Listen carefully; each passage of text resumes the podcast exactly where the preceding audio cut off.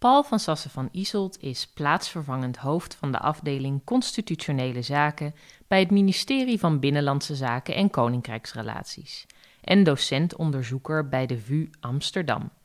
Hij is expert op het terrein van grond- en mensenrechten en promoveerde in 2018 bovendien op een proefschrift met de titel Realisering van grondrechten: de rechtsplicht van de overheid tot de verwerkelijking van grondrechten bij botsende rationaliteiten en belangen in een rechtspolitieke context.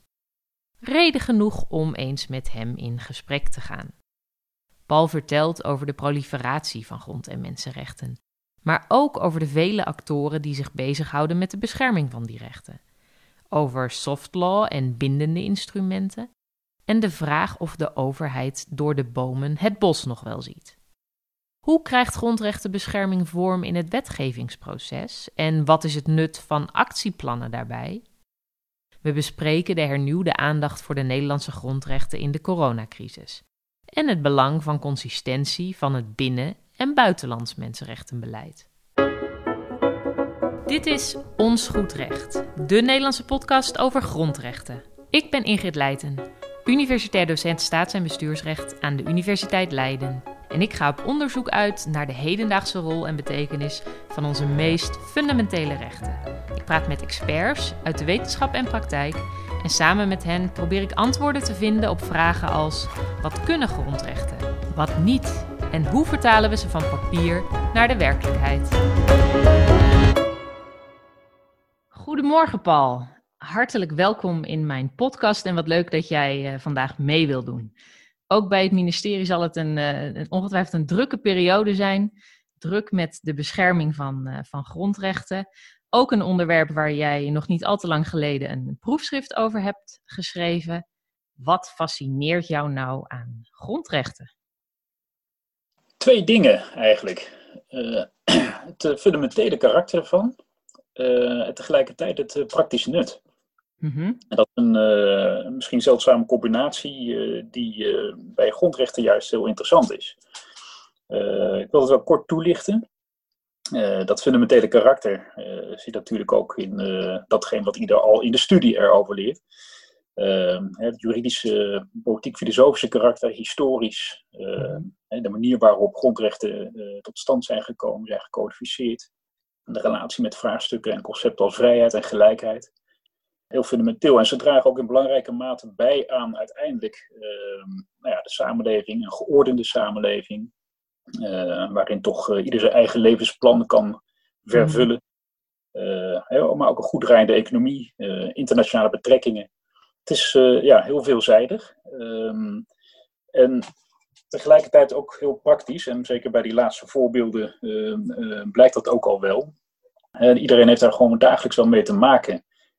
Soms ook zonder je ervan bewust te zijn. Denk aan het dak boven je hoofd, al of niet. Mm -hmm. nieuwsmedia, drinkwater, onderwijs.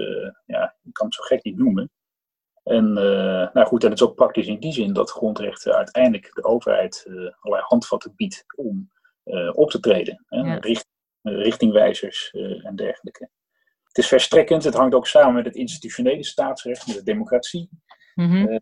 Uh, het is heel gelaagd uh, aan de orde, nationaal, Europees, internationaal. En je kan er vanuit allerlei verschillende rollen tegen aankijken en mee bezig zijn. Met rechtspraak, toezicht, advies, wetgeving, beleid.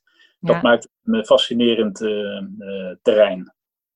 Ja, ja, je, je zegt het al, hè, een duidelijke link met, met democratie, met wat de overheid doet. We zien die grond- en mensenrechten ook als wezenlijk onderdeel van de rechtsstaat.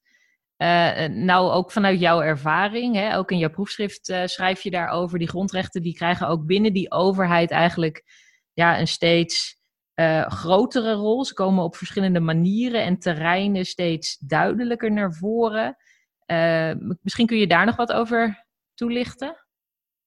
Ja, ik heb dat wel genoemd. Hè. Ook in de literatuur kom je het wel tegen natuurlijk. Het concept van proliferatie. Mm. Uh, het heeft wat negatieve bijklank uh, gekregen. op zichzelf is het natuurlijk een ja, neutrale term. Hè. Proliferatie in de zin van, van uitbreiding, mm. uitdijing. In dit geval van, van grondrechten. Even terug naar de bron. Hè. We hebben natuurlijk twee codificatiegolven gehad. De eerste met de Amerikaanse Franse Revolutie en de grote teksten die toen tot stand zijn gekomen en vervolgens na de Tweede Wereldoorlog. Met de ja, oprichting van de internationale rechtsorde, de uitwerking daarvan. Uh, met zowel de internationale organisaties uh, als uh, daarbij de belangrijke oprichtingsverdragen en concrete mensenrechtenverdragen. van de Verenigde Naties, de Raad van Europa, aanvankelijk de EG, later EU natuurlijk. Mm nou, dat heeft geleid tot een enorme ja, conglomeraat, een, een, een, een cumulatie van, van grondrechten normen. En ook van soft law, hè, dus hard juridisch, maar ook in mhm. zachtere teksten van politieke verklaringen, aanbevelingen. Uh, vaak voortkomend uh, vanuit de toezichthoudende comité's bij verdragen, maar soms ook meer politieke organen. Uh, dat zijn allemaal normen en allemaal ehm, handvatten voor overheden om iets mee te doen, om zich daaraan te houden, ehm, in wat voor manier ook. Ehm, nou, dat is heel goed, dat is ontzettend positief, dat leidt tot heel, heel veel orde, vrede in de samenleving, betere individuele omstandigheden, bescherming tegen de overheid, tegen willekeurig overheidsoptreden en dergelijke op allerlei terreinen. Toch zit er ook wel een ja, wat, wat kritischer kant aan. Hè, dat is de vraag of het voor diezelfde overheid allemaal nog wel overzienbaar is. Mhm. en in die zin of grondrechten dan nog wel de aanvankelijke, hun aanvankelijke rol en taak voldoende kunnen verwezenlijken. Ehm, als de overheid, uh, overheden niet meer goed in de gaten hebben aan welke normen ze zich eigenlijk hebben te houden, uh, of dat niet heel expliciet ook gebruiken in hun uh, beleid of wetgeving dat tot stand komt, dan mis je de controle of de check die nodig is bij, mm. bij het kan allemaal heel goed gaan, en vaak gaat het ook heel erg goed toch zou je graag willen dat uh, nou ja, explicieter die uh, relatie wordt gelegd met de normen die tot stand zijn gekomen. En dat wordt tegelijkertijd ook wel moeilijker met alle normen die er inmiddels zijn. Ja. Het aantal internationale aanbevelingen, bijvoorbeeld van de Raad van Europa, dat zijn er duizenden. Ehm, en de verouderde aanbevelingen worden ook niet altijd weer ingetrokken of verwijderd van het internet.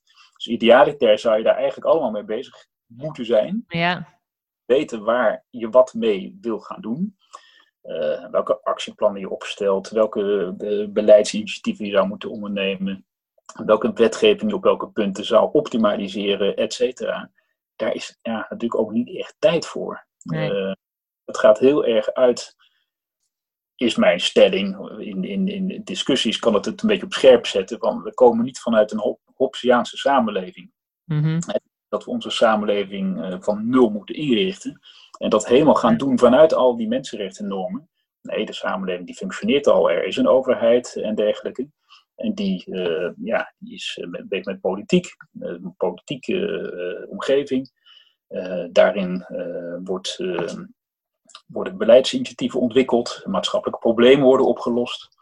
Uh, en dat gebeurt niet allemaal primair vanuit die uh, normen die zijn gecreëerd, waarvanuit er ook van alles moet gebeuren. Mm -hmm, Het zou heel goed op elkaar moeten aansluiten. Uh, en vaak gebeurt dat, omdat die rechtsnormen nu eenmaal heel goed aansluiten bij het rechtsgevoel en rechtsbewustzijn. dat is ook heel natuurlijk. Ja, ja.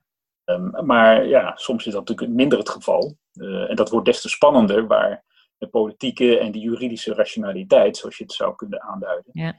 meer uit elkaar gaan lopen. Ja. Dan is de vraag, zijn die uh, normen die uh, juist dienen ter bescherming nog voldoende vindbaar en kenbaar? Ja. Dat is in het geval van proliferatie, nou ja, natuurlijk een, een spannend vraagstuk. Ja, een beetje een kwestie van door de bomen nog steeds uh, het bos ook, uh, ook kunnen zien. Ja. Ik kan me voorstellen dat als je inderdaad uh, goede wil hebt als overheid, tegelijkertijd je zit in een soort van rijdende trein. We beginnen niet from scratch en er zijn lopende initiatieven, er zijn verschillende rationaliteiten, verschillende regels ook waar je je aan houden. En dan komt er natuurlijk ook dat hele pakket aan nou ja, soms overlappende regels, maar dan weer in, in mensenrechten termen bij. Is daar nou ook nog, is het nou ook nog lastig om, uh, je noemde het al, soft law, uh, niet bindende verklaringen, om dat helder te houden? Uh, is dat relevant ook voor een overheid? Wat echt moet en wat meer suggesties zijn? Ja, soft law komt tot stand door actieve overheidsbemoeienis. Mm ook wel door politieke bemoeienis. Vaak ook door betrokkenheid van maatschappelijk middenveld. En dan zijn er, uh, de, het resultaat daarvan zijn uh, afspraken, aanbevelingen, waar als het goed is een meerderheid zich in kan vinden. En waartoe in elk geval besloten wordt op een uh, politiek niveau. Als ik het heb over de Raad van Europa, is dat het comité van ministers. Als je dat hebt als resultaat, dan moet je daar natuurlijk ook wat mee. Hè? Het, het, dient een doel. Ehm, daarbij komt wel de extra dimensie ook van internationale betrekkingen. Van oudsher een discussiepunt. zijn de mm. mensenrechten vooral bedoeld voor andere landen. Ja, ja. Eh, nou bezien is vanuit uh, het land Frankrijk of vanuit het land Turkije of vanuit het, ons eigen land. het is natuurlijk altijd net wat makkelijker om te vinden dat in een ander land iets moet gebeuren. Mm Dat daar een mensenrechteninstituut moet worden opgericht. Dat daar nog een internet uitingen beoordelaar tot stand moet worden mm gebracht. en dergelijke. En het is natuurlijk wel relevant om dat ook uiteindelijk naar je eigen land te betrekken. En dat zou men zich ook heel goed bewust kunnen en moeten zijn uh, in die besluitvormende organen uh, van soft law. Ja, Je doet het niet voor andere delen in de wereld of Europa of andere geografische andere organisaties. Maar ook natuurlijk voor jezelf. Hè. Het kan ook ja. bevorderlijk zijn voor je eigen staatsinrichting, voor, de, voor je eigen samenleving. Zo heb je het positief geformuleerd. Uh, kritisch geformuleerd uh, kan je zeggen, het kan als een boemerang terugslaan mm op je eigen kant. Ja, ik, ik vertel altijd de anekdote aan mijn studenten ook dat ten tijde van de totstandkoming van het EVRM ook nog vooral werd gezegd dat dat toch echt iets voor barbaarse landen uh, zou zijn. En dat we er zelf wel niet zoveel last van zouden kunnen krijgen dat ik ook wel aanhoud, is inderdaad de kantonrechter in 1968, die uh, het EVRM ook nog niet op zijn uh, bureau in de rechtszaal had staan. En de griffier ja. om het gebouw rond te gaan om te zoeken naar een tekstuitgave van het ja. EVRM. Ja, ja, dan is er veel veranderd. Ervan in Nederland, ja. Ja, nee, maar nog even, hè, dat meer, die meer softlaw instrumenten uh, inderdaad, dat is uh, deels politiek ook, wat daar gebeurt, internationale politiek. Tegelijkertijd, de overheid is natuurlijk ook politiek, dus die kan die instrumenten wederom ook niet uh, bagatelliseren, als ik dat zo een beetje samenvat van jou. Ja, ja. Um, ja. Bij, de, bij die ja, organen, um, machten die daarbij een rol spelen, we denken natuurlijk snel aan de aan de rechter. Uh, maar er zijn op nationaal niveau en ook op, op internationaal niveau, Europees niveau, toch nog uh, ja, veel meer actoren. Ook die actoren zijn een beetje aan proliferatie onderhevig, zou je uh, kunnen zeggen. wat, wat zijn daar nou de, de belangrijkste? Welke moeten we goed in de gaten houden ook? Voor de luisteraar die, die daar nog niet zo in thuis is. Ja, daar ga ik iets over zeggen. Ik wil nog één puntje uh, wat me te binnen schiet bij het vorige punt. Ja, uh, graag. Uh, nog een gevolg van die proliferatie. En dat is natuurlijk aansluitend ook bij ontwikkelingen nu in Europa. Ja. Wel relevant om even te vermelden, denk ik. Is het risico van mensenrechtenmoeheid. En daarmee afbreuk aan draagvlak en, en effectiviteit van, van mensenrechten. In die termen zou ik het heel concreet willen samenballen. Uh, waarbij je dan kan denken aan uh, nou ja, de toestand in een aantal Midden-Europese landen. De paradox die je dan ziet, namelijk dat er nieuwe mechanismen en hervormingen worden ingevoerd. In het kader van de EU, de rule of law mechanisme. in het kader van de Raad van Europa, het hele interlakenproces tot hervorming van het toezichthoudend systeem op het EVRM. Mm -hmm. En met nieuwe protocollen ook weer. en, ja. en, en nieuwe arrangementen dus je ziet uh, de neiging tot oplossing ook wel weer via een gedeeltelijke uitdijing van uh, de instrumenten. Ja. Uh, het is goed dat dat gebeurt. toch nou ja, is het denk ik verstandig om steeds in het achterhoofd te houden dat enige tempering ook een, een, deugd is op dit terrein. Ja. Maar je vroeg naar de actoren bij de grondrechtenbescherming. Uh, het, het, is mij altijd opgevallen dat in de rechtenstudie uh, er toch wel heel veel aandacht is, vooral voor jurisprudentie en rechtspraak. Ja. Uh, en eigenlijk pas door nou ja, te gaan werken bij de overheid, ministeries, realiseer je steeds meer dat ja, de wetgever natuurlijk een hele grote vormgever is van het recht en, en, en van wetgeving sowieso. Dus behalve de rechter is de wetgever als enorm belangrijke actor relevant voor de grondrechtenbescherming. Mm een wetgever natuurlijk, de regering en Staten-Generaal gezamenlijk. Ehm, en de tijdelijke wet coronamaatregelen mm opkomen.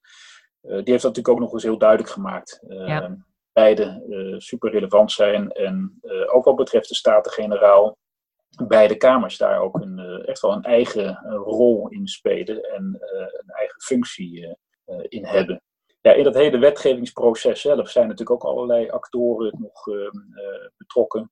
Uh, verplichte en uh, niet verplichte adviesorganen. Het als belangrijkste natuurlijk het Hoge College van State, de Raad van State, de mhm. afdeling daarvan.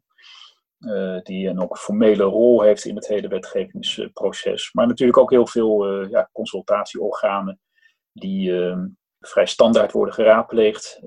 soms ook verplicht, zoals de autoriteit persoonsgegevens. Vaak mhm. niet verplicht, maar wel heel erg relevant vanwege de consequenties die wetgeving kan hebben uh, op het terrein van uh, grondrechten. Ja. Zoals nou, het College Mensenrechten, maar vaak ook domeingerelateerde organen zoals de Nederlandse Vereniging, de Vereniging voor Rechtspraak, het College Procureurs-Generaal, de Raad voor de Rechtspraak en dergelijke.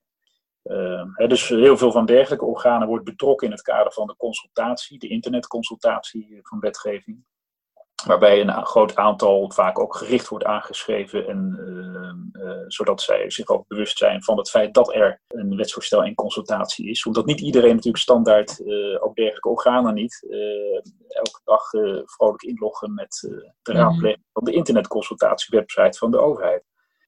Um, ja, dat, dat um, meer strikt juridisch in, in, de, in de wetgevingssfeer en verschillende actoren die daarbij betrokken zijn. Uh, het maatschappelijk middenveld is natuurlijk heel belangrijk.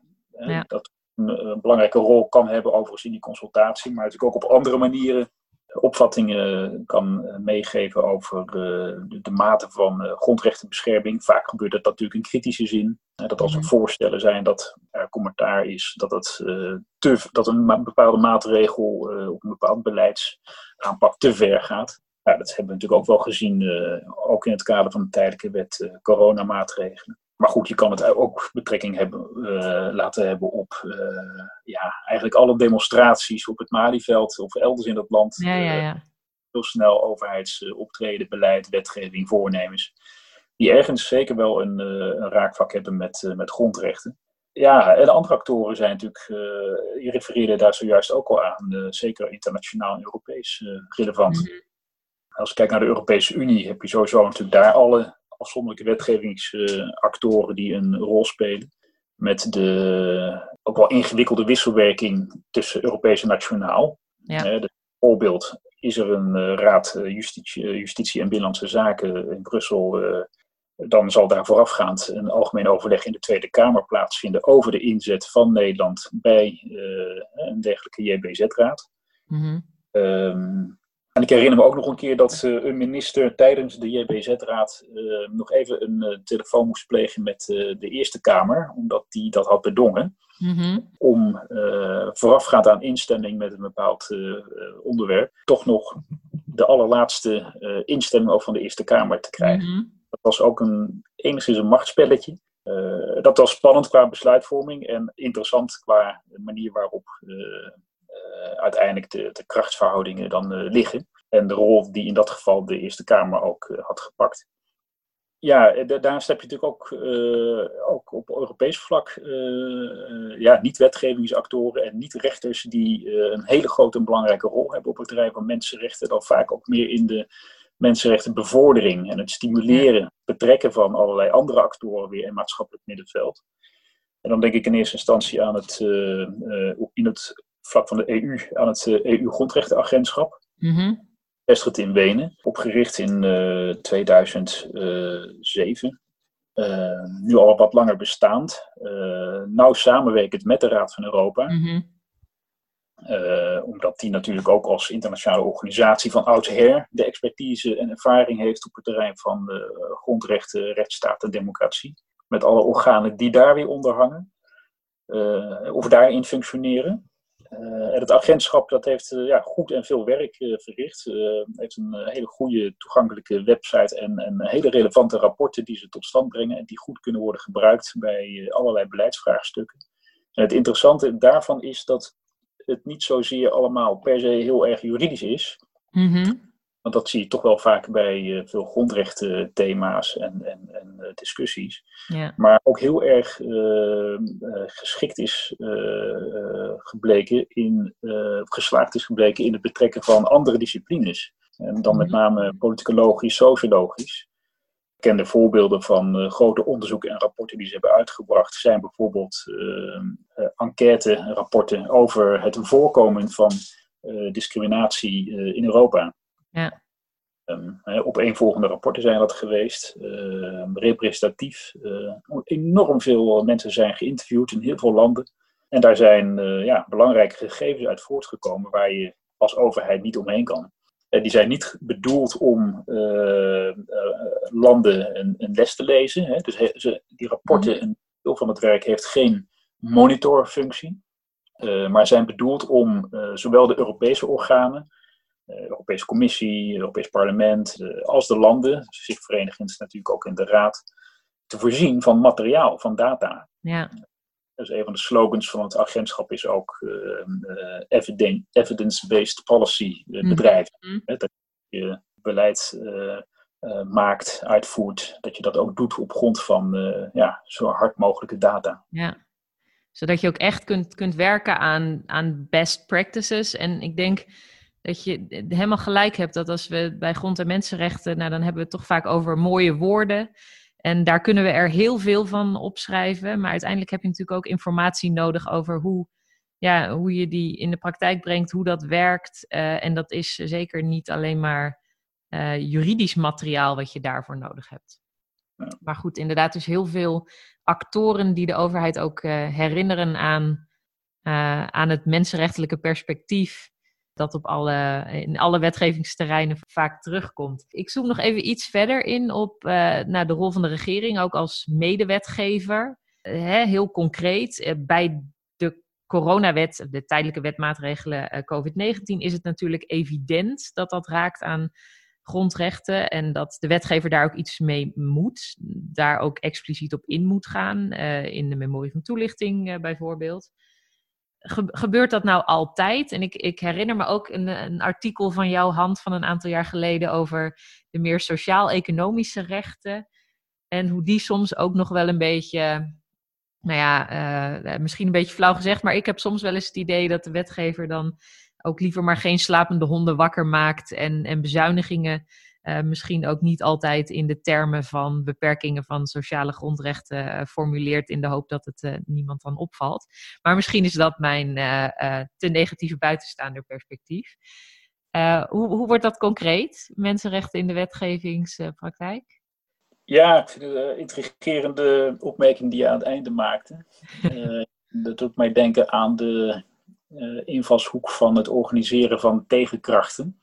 Mm uh, ik woonde ooit in een studentenhuis met een Palestijnse huisbaas in Utrecht, die zeer verbaasd was. Toen werkte ik bij de Nationale Ombudsman. Dat uh, de Nationale Ombudsman in Nederland uiteindelijk door ja, de overheid gefinancierd is. En mm. de overheid in zoverre zijn eigen tegenkracht mm. organiseert. Natuurlijk helemaal onafhankelijk, Hoog College van Staat, uh, benoemd door de Tweede Kamer en dergelijke. maar toch, overheid. Ja. Ja, en dat is nou ja, op een ander niveau weliswaar. Uh, ook met uh, concrete wetten. Uh, natuurlijk soms ook eens het geval. Kijk, grosso modo moeten wetten voldoen aan standaarden en met de, de, verenigbaarheid met hoger recht, met grondwet, met verdragen. En dus ook mensenrechten, grondwettelijke grondrechten. Um, daar zitten, zijn ook allerlei mechanismen in het wetgevingsproces voor aanwezig om uh, te garanderen dat dat ook uh, gebeurt, dat dat op die manier tot stand komt, dat daar rekening mee wordt gehouden. En dat is wel een uh, ja, stevig systeem van checks en balances. Het gebeurt niet altijd. Ehm, dat heeft ook te maken met, ja, ook, ook dat, dat is de vraag, de mate waarin dat kan gebeuren. Mm ik herinner me ook een, een, een, stuk waarin werd geconcludeerd dat bijvoorbeeld memoires van toelichting uh, de laatste 10, 15 jaar sowieso veel langer en uitgebreider zijn mhm. dan uh, 20, 30 jaar geleden. Uh, ook als je zelfs kijkt naar de grondwetsherziening uh, van de, het laatste algehele herziening van 83. En de manier waarop dat is gemotiveerd, is eigenlijk best heel sumier allemaal. Ja. Allemaal ex-autoritaten en, en ja, zo gaan we doen, omdat het goed is. Ja. Uh, maar daar is allemaal niet heel veel tekst uh, aan uh, gewijd. Vaak wel aan in onderliggende stukken uiteraard. En ik vind zelf dat je de, de ja, veel toelichtingen tegenwoordig toch wel heel uitgebreid zijn. Mm-hmm. Vaak juist ook op het terrein van grondrechten en mensenrechten. Als je kijkt naar de wet uh, grote stedelijke problematiek, uh, die uiteindelijk ook voorgelegd is geweest aan het Europees Hof in Straatsburg in de zaak Ariep. Mm-hmm. Dat is natuurlijk uitgebreid gebeurd. Uh, nou, nu inderdaad de tijdelijke wet uh, maatregelen COVID-19 is dat uitgebreid gebeurd. En dat biedt ook wel gelegenheid om in het democratisch proces van gedachten te wisselen en argumenten uit te wisselen over de, de mate waarin een bepaald voorstel kan en mag ingrijpen in, in vrijheden, of waarin, mate waarin uh, meer sociale grondrechten kunnen en moeten worden gerealiseerd. gerealiseerd. Ja. Um, dat is dan ook in elk geval altijd het argument vanuit uh, de, de, directie waar ik werk, constitutionele zaken en wetgeving, mm. als belangrijk ook effectief, effectiviteitsargument. Het is goed om al die gedachten nu maar naar boven te laten komen en die argumenten uh, op, op, tafel te laten komen. Uh, zodat je uiteindelijk een ja, en meest gedegen en ook wet als resultaat hebt, dat ook een zo groot mogelijk draagvlak heeft in de samenleving aan het eind natuurlijk ook niet door een, uh, een rechter uiteindelijk ergens wordt uh, afgeschoten vanwege onverenigbaarheid met het eh, EVRM bijvoorbeeld. Zeker, ja. maar goed, dat is meer een, dat is een weinig intrinsiek argument. het, gaat mm -hmm. in de instantie om de intrinsieke argumentatie waarom wetten daaraan moeten voldoen. Ja. Ja, bewust of onbewust. Het heeft soms ook te maken met hoeveelheid aan wetgeving, hoeveelheid aan ANVB's, ja. financiële regelingen het is gigantisch veel. En uh, daar is natuurlijk een heel opgetuigd uh, toetsingsloket, uh, digitaal vormgegeven. Al heel erg uh, fancy uit. En ehm, zit ingenieus in elkaar. Met ongelooflijk veel mensen die vanuit allerlei verschillende rollen verschillende soorten toetsen kunnen uitvoeren en mhm. moeten uitvoeren. wat ook voor elkaar inzichtelijk is. allerlei documenten kunnen worden op- en aangehangen in het systeem met verbeterversies en dergelijke. Ja, en uiteindelijk, gaat dat natuurlijk via uh, uh, dat, die samenwerkingsruimtes, rapt bij de ministerraad neergelegd. via een ambtelijk voorportaal, onderraad, ministerraad. Ja, en daar zie je natuurlijk ook vaak de, meer de politieke weging. Ja, ja. Nee, en tegelijkertijd, uh, je zegt ook terecht, uh, hè, we, we, hebben nou eenmaal heel veel van die normen, uh, bergen aanbevelingen. je kunt die, die memorie ook niet, niet zo lang maken dat uh, aan werkelijk elke standaard en uh, suggestie uh, aandacht wordt gegeven. Dus dat is, lijkt mij ook wel weer gewoon de realiteit. En de realiteit dus van die grondrechten die, die overlappen met allerlei andere normen die we, die we toch ook al hebben. En, en common sense en andere ideeën over hoe de overheid in te richten. En dat is misschien wel nog even een leuk bruggetje naar het Nationaal Actieplan Mensenrechten van 2020 met, met dit keer best een grote focus ook op, op inclusie, op toegang, maar ook op, op participatie, op, op maatwerk. Hè, je ziet daar een grote overlap eigenlijk ook met, met zo'n discussie over de responsieve overheid in, in veel bredere zin. Nee, dat klopt. Het uh, actieplan is dan ook tot stand gekomen in, uh, ja, uh, in dit kabinet, waarbij een regeerakkoord, waar aan, aan een regeerakkoord op de grondslag ligt, waarin dit onderwerp heel erg belangrijk wordt gevonden. Mm de, de, aandacht voor inclusie, sociaal-economische vraagstukken. Dus dat is ook een reden geweest waarom dat een thema is geworden in dit actieplan. Ehm, naast het feit dat we dit keer ook erg zijn afgegaan op wat vanuit het maatschappelijk middenveld voor belangrijke thema's zijn aangedragen. En dan is het mhm. interessant dat dat in zoverre wel heel erg aansluit bij uh, mm -hmm. uit het regeerakkoord. En daaruit kan je dan toch ook afleiden dat, nou ja, uh, in de samenleving, of dat nou is vanuit de politiek en vanuit partijen, uh, en in zoverre de samenleving uh, vertegenwoordigend, dan wel meer rechtstreeks vanuit maatschappelijke organisaties of uh, toezichthoudende organen die daarin een belangrijke rol vervullen, toch vergelijkbare thema's worden aangedragen. De manier waarop het dan precies uitwerkt en, en waar dan uiteindelijk het accent komt te liggen, kan natuurlijk wel verschillen. Maar het, de notie van de kloof, de sociaal-economische kloof in Nederland, dat natuurlijk ook door de SCP herhaaldelijk heel erg is benadrukt, is niemand onopgemerkt gebleven. Mm En dat zie je dan dus ook wat terugkeren in het actieplan. Met de relatie voor grondrechten, dat ja, heel veel grondrechten niet zo heel effectief of betekenisvol zijn als je niet ook de toegang hebt tot uh, voorzieningen. Ja. In welk kader natuurlijk ook participatie van belang is, bijvoorbeeld.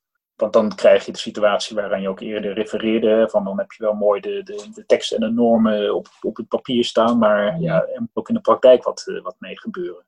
Ook op dit punt speelt wel die, die ja, proliferatie overigens, in zoverre er ook heel veel actieplannen zijn. Mm -hmm, we zijn dat zelf eens gaan nagaan.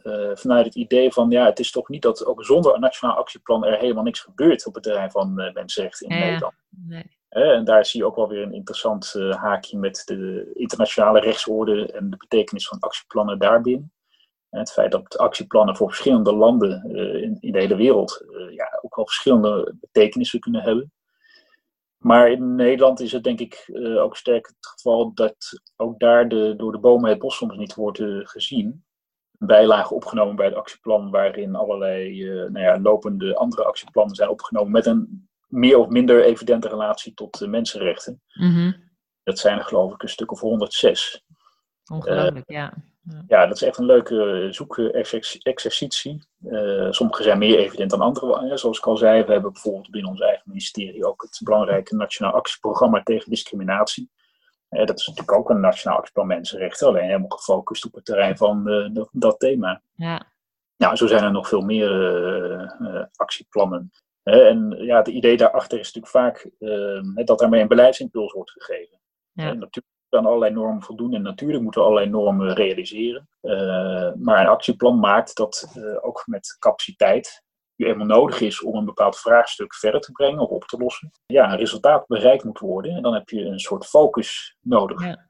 Ja. Uh, taskforce en beleidsimpuls, ja, dat zijn allemaal mooie kreten die je daarvoor kan gebruiken. Ja. ja. Maar wel inderdaad wezenlijk in de, in de vertaling van die berg aan normen naar, naar wat gaan we nou uh, daadwerkelijk doen de komende tijd. Ja. Relatie is heel belangrijk. Ja, dat steeds die slag wordt gemaakt naar de praktijk van alle dag. Ja, mooi. Um, misschien, uh, we gaan een beetje richting het eind, maar nog eventjes, ja, misschien iets meer, meer metaniveau nog. Um, we hadden het al over corona, over de coronamaatregelen. Uh, die grondrechten lijken de afgelopen maanden in de Nederlandse discussie uh, wel weer prominenter geworden. Uh, zeker ook wat onze eigen grondwet betreft. Normaal gesproken een beetje ondergeschoven kindje, omdat de rechter er wetgeving niet aan mag toetsen. Zie jij nog grote veranderingen of blijvende dingen aan de horizon, misschien door deze crisis? Het is wel heel interessant inderdaad te signaleren, ik ben het helemaal met je eens, hoezeer de grondwet en grondrechten door de omstandigheden waar we weer terecht zijn gekomen, uh, een, een, eh, een, zichtbare rol hebben gekregen. Of, of meer mhm. zichtbaar zijn geworden. En uh, vooral ook inderdaad uh, die van de, de, grondrechten zoals verankerd in de grondwet zelf. Ja. Waar tot voor kort geleden toch vaak eigenlijk meer internationaal recht een, een belangrijke rol speelde. Ook in de zichtbaarheid van mensenrechten in de eigen rechtsorde. Natuurlijk voornamelijk uh, ingegeven ook door nou ja, jurisprudentie, waarin internationaal recht een belangrijke rol speelt, mede vanwege het toetsingsverbod van artikel 120 grondwet. Waardoor de rechter wetgeving in formele zin niet kan toetsen aan de eigen grondwet, maar wel natuurlijk aan, aan, internationaal recht. Maar goed, diezelfde grondwettelijke grondrechten maken ook dat nu grondrechten, denk ik, wel heel erg zichtbaar zijn vanwege het onderscheidend criterium, zou, zou je kunnen zeggen, van de grondwettelijke grondrechten ten opzichte van het internationaal recht. Mhm. Namelijk het vereiste dat als er beperkingen gemaakt uh, mogen worden, dat moet gebeuren bij wet in formele zin. Ja. Lees uh, ook uh, het parlement als medewetgever daar een belangrijke rol in speelt. En die vindt daar nogal wat van. Zoals nu juist gebleken bij deze tijdelijke wet. Het gaat om maatregelen die allemaal heel erg raken, rechtstreeks raken en zichtbaar en voelbaar raken in de samenleving. En uh, ja, het parlement zit daar vol in. Die, die, ja. alle Kamerleden krijgen natuurlijk vanuit hun eigen achterban allerlei informatie daarover, hoe het ervaren wordt in bijvoorbeeld verpleeghuizen, op straat, bij jongeren, noem maar op, onderwijs. En krijgt op die manier ook zijn plek in het wetgevingsproces. Ja. Ja, en dat is natuurlijk wel ja, heel interessant en een, uh, een, een, belangrijk argument, vind ik zelf ook, om uh, wel vast te houden aan die uh, notie van de, de, de formeel mhm. wettelijke grondslag voor eventuele beperkingen die ja. soms nodig of, of noodzakelijk zijn op grondrechten. Ja, ja helemaal eens. Dat een, soort, soort herontdekking en misschien een stukje herbevestiging eigenlijk van die, die, die formeel wettelijke grondslag ja, maar ook draagvlak voor maatregelen. Hè, door, door de parlementaire betrokkenheid. Ja. Zeker. We, die, we hebben het vaak over de, de EVRM-rechten. En dan komt het vaak toch neer op de vraag: is iets proportioneel? Is er een goede afweging gemaakt? Dus meer op het materiële. Terwijl we nu natuurlijk al maanden aan het discussiëren zijn over hoe krijgen we uh, hè, ook een mondkapjesplicht nou, nou formeel goed geregeld? Hoe krijgen we de wetgever zover dat die daarvoor de basis legt. En dat is inderdaad echt een, een bijzonder kenmerk van onze Nederlandse grondrechtenbescherming. Uh, die, die nu weer heel sterk op de, op de voorgrond staat. En inderdaad ook, ook veel waard is, omdat je toch die uh, democratische legitimatie daarmee uh, garandeert. Hè? Hoewel het dus, ook als je het vergelijkt met landen om ons heen, de boel misschien wel een beetje heeft vertraagd in Nederland. Maar zeker eens dat, uh, dat het een soort van herbevestiging is van nou ja, het belang van, van ook dat soort criteria. Ja, en, en dan ter afsluiting nog, ik vraag het altijd, heb jij nog een concrete suggestie voor verbetering, innovatie, iets wat je nog kwijt wil? Ja, ja, ja. Het, altijd een ontzettend relevante en leuke vraag ook natuurlijk. Twee dingen. Ze zijn algemeen, maar toch heel belangrijk als je het helemaal zou gaan uitwerken en, en, verder zou toelichten. Uh, maar ik hou het kort. Eén uh, is uh, toch blijvend nodig kennis, bewustwording en een grondrechtencultuur. Mm -hmm. voor grondrechten en mensenrechten. En de vertaalslag naar de praktijk. En daarvoor is ook een, een zekere ja, ook constitutionele geletterdheid nodig. Het vocabulaire van mensenrechten, grondrechten ja, moet worden gekend en begrepen ook. Uh, niet als een afvinklijstje, maar ook de, de intrinsieke achtergrond uh, daarvan. Uh, zoals die nu heel pregnant naar voren komt in, in de huidige debatten. Ehm, hè, dan ook vooral de bekendheid ervan met, ja, bij niet-juristen. Dat mhm. is echt belangrijk. Ook daar niet wordt gezien als een, een drempel voor het overheidshandelen, maar juist richtinggevende kaders en belangrijke waarborgen. Die uiteindelijk zorgen voor effectiviteit ook. En twee is uh, ja, toch een, het, aanhoudend het belang van consistentie is misschien veel gevraagd, maar toch wel een relatie in de gaten houden tussen het buitenlandse en het binnenlandse mensenrechtenbeleid. Mm Dat dat niet helemaal los van elkaar gezongen uh, raakt. Of uh, langere tijd geleden misschien ook was. Er is steeds meer oog voor, ook binnen de Europese Unie zelf. In de Raad van Europa, uh, sowieso ook nationaal. Ja. Maar dat blijft wel een uitdaging, omdat dat natuurlijk vaak hele verschillende dynamieken zijn waarin uh, nou ja, normen tot stand komen, toezichthoudende mechanismen tot stand komen. Je hebt nationaal natuurlijk toch meer sturing dan je sturing hebt binnen de VN of binnen ja. Nou ja, kleinere organisaties. Toch is wel belangrijk dat die boodschap, uh, intern en extern, wel een, een doordachte achtergrond hebben. Ja. Dankjewel. Ik, de twee mooie heldere punten. Constitutionele geletterdheid en consistentie ga ik ook meenemen naar de volgende afleveringen. Um, en ik denk ook, ik hoop ook, nou ja, zeker wat jij allemaal hebt verteld, dat dat daar ook al wel een klein beetje aan, aan bijdraagt. Hè? Dat we toch het er ook over hebben. Wat zijn die grondrechten dan? Hoe werken ze? dat beschikbaar maken voor een, voor een publiek en nou ja, de discussie gaande houden. Dankjewel voor het mooie gesprek. Ik vond het erg leuk. Ik wens jou veel succes met alle interessante, drukke dingen waar je mee bezig bent. En hopelijk zien we elkaar over niet al te lange tijd ook weer een keer live ergens bij een grondrechten of, of ander evenement. Dankjewel, Paul. Ja, ook bedankt. Dit was Ons Goed Recht. Heel graag tot de volgende aflevering. Vragen en suggesties zijn van harte welkom, bijvoorbeeld via www.ingridleiten.com. Deze podcast is mede mogelijk gemaakt door de Young Academy Leiden.